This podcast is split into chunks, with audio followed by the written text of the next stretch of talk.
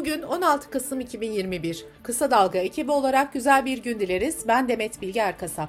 Gündemin önemli gelişmelerinden derleyerek hazırladığımız Kısa Dalga Bülten başlıyor. AKP'nin Cumhurbaşkanlığı hükümet sistemiyle getirdiği %50 artı bir şartına AKP'den itiraz gelmeye devam ediyor. Saadet Partisi Genel Başkanı Karamollaoğlu, Erdoğan'ın 50 artı bir oy şartından şikayetçi olduğunu söylemişti. Ardından da Cumhurbaşkanlığı Yüksek İstişare Kurulu üyesi Cemil Çiçek de sistemle ilgili problem çıkarıyor değerlendirmesinde bulunmuştu. Son açıklama Erzurum Milletvekili İbrahim Aydemir'den geldi. Aydemir şunları söyledi. Suni bir takım ittifakların önünü açıyor. HDP ile normal şartlarda İyi Parti'nin bir araya gelme şansı var mı? Bunu karşı tarafa kaybettirme adına yapıyorlar. Böyle bir mahsuru var.'' Sistemi kısaca hatırlatalım. Cumhurbaşkanlığı seçiminde ilk turda hiçbir aday salt çoğunluğu yani 50 artı bir oyu alamazsa seçim ikinci tura kalıyor. En çok oy alan iki aday katılıyor ve salt çoğunluğu alan seçiliyor. AKP'nin kendi getirdiği bu sistemle ilgili şikayetleri muhalefetin de gündemindeydi. HDP Grup Başkan Vekili Saruhan Oluç şunları söyledi. İktidar kurduğu tuzağa yakalandı, 50 artı biri tutturamaz. Şimdi iktidarı nasıl kurtarabiliriz arayışı içindeler. Seçim sistemiyle oynamak iktidarı kurtaramaz. Deva Partisi Genel Başkanı Ali Babacan da iktidar oyunun mevcut kurallarına göre yeniden seçilemeyeceğinin farkında. Kuralları değiştirerek acaba tekrar seçilir miyimin hesabına girmiş durumda değerlendirmesi yaptı. CHP Genel Başkan Yardımcısı Muharrem Erkek de şöyle dedi. Otoriter keyfi bir sistem inşa ettiler hem de bunu OHAL döneminde yaptılar.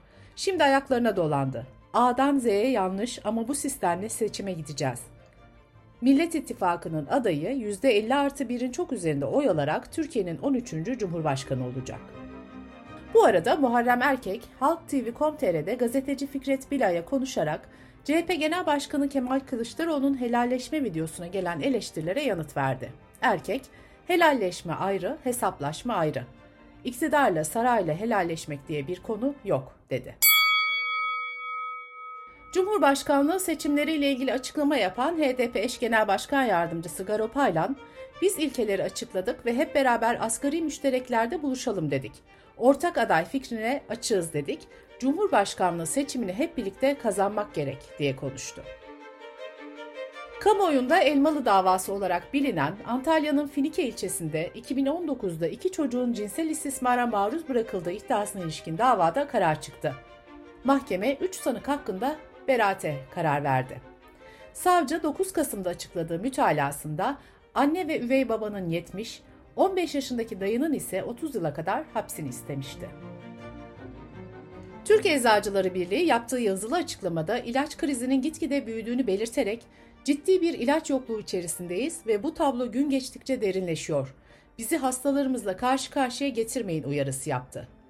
Açıklamada eczacıların kamuoyunu bilgilendirdikleri için baskıya maruz kalıp susturulmaya çalışıldığı vurgulandı.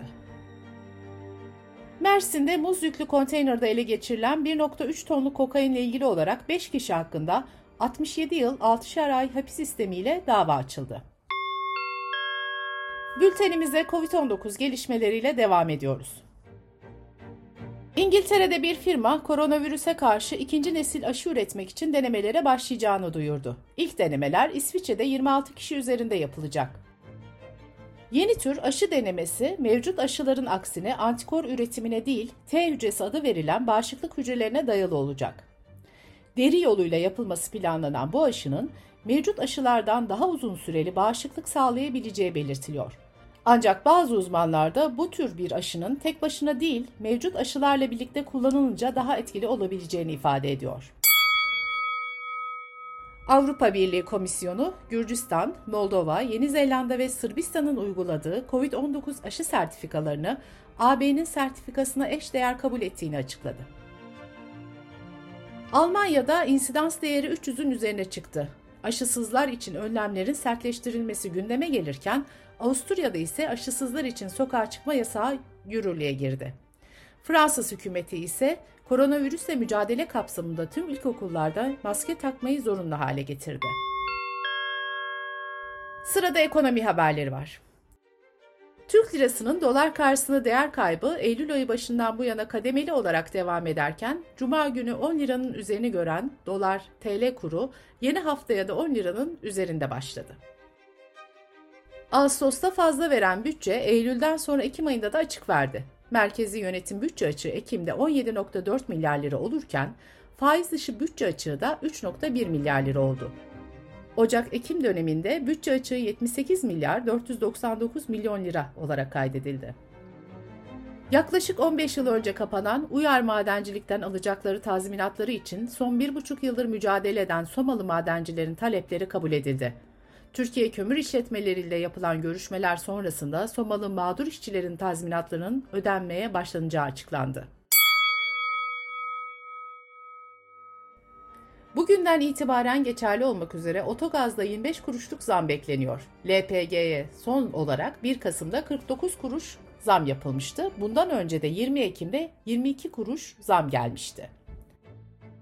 Türkiye İstatistik Kurumu verilerine göre tarım ürünleri üretici fiyat endeksi aylık 1.68, yıllık ise %23.10 arttı. Adana'da limonun kilo fiyatı halde 25 kuruşa kadar düştü. Türkiye'nin narenci ihtiyacının üçte birini karşılayan kentte birinci sınıf limonun 60 kuruşa satıldığını söyleyen esnaf, ürünlerin taşındığı 20 kiloluk boş plastik kasanın bile üründen pahalı olduğunu anlattı. Dış politika ve dünyadan gelişmelerle devam ediyoruz. Belarus-Polonya sınırında iki haftadır bekleyen binlerce sığınmacı ile ilgili açıklama yapan Belarus Devlet Başkanı Lukashenko, göçmenlerin geri dönmek istemediğini savundu. Lukashenko, Polonya'nın göçmenlere bir insani koridor açabileceğini söyledi. Almanya Dışişleri Bakanı Mas ise sistematik biçimde göçmenleri Avrupa Birliği ülkelerine göndermekle suçlanan Belarus'a karşı yeni yaptırımların yolda olduğunu ifade etti. Buna karşılık Lukashenko ise yeni yaptırımlar uygulanması halinde AB'ye karşılık verileceğini yineledi. Bulgaristan'da yapılan parlamento ve cumhurbaşkanlığı seçimlerinde katılımın %33'te kalması ve adayların %50 artı bir oya ulaşmaması nedeniyle ikinci tura gidilecek. Bu yıl üçüncüsü düzenlenen seçimlerin sandık çıkış anketlerine göre yeterli çoğunluğu alan bir parti çıkmadı. Ürdün Kralı 2. Abdullah bin el Hüseyin'in kendisine hakaretten dolayı mahkum olan 155 kişi için af kararı çıkardığı bildirildi. Ürdün'de krala hakaret içeren sözlü ya da yazılı bir davranışta bulunmak bir yıldan 3 yıla kadar hapis cezası gerektiren suçlar arasında yer alıyor. Avustralyalı 7 kadın Doha Havalimanı'nda çıplak aramaya maruz kaldıkları gerekçesiyle Katar'daki yetkililere dava açtı. Kadınlar resmi özür ve tazminat istiyor. BBC'de yer alan habere göre Doha'da bulunan Hamad Havalimanı'nda 2020'nin Ekim ayında meydana gelen olayda havalimanı çöpünde bulunan yeni doğmuş bir bebek sonrası bir grup Avustralyalı kadına arama yapılmıştı. Kadınlar çıplak bir şekilde arandıklarını ve taciz edildiklerini söylemişti. Bültenimizi kısa dalgadan bir öneriyle bitiriyoruz. Profesör Doktor İlhan Uzgel, Polonya, Litvanya ve içine Almanya ile Avrupa Birliği'nin de dahil olduğu Belarus sığınmacı krizini anlatıyor. Kısa Dalga.net adresimizden ve podcast platformlarından dinleyebilirsiniz. Gözünüz kulağınız bizde olsun. Kısa Dalga Medya.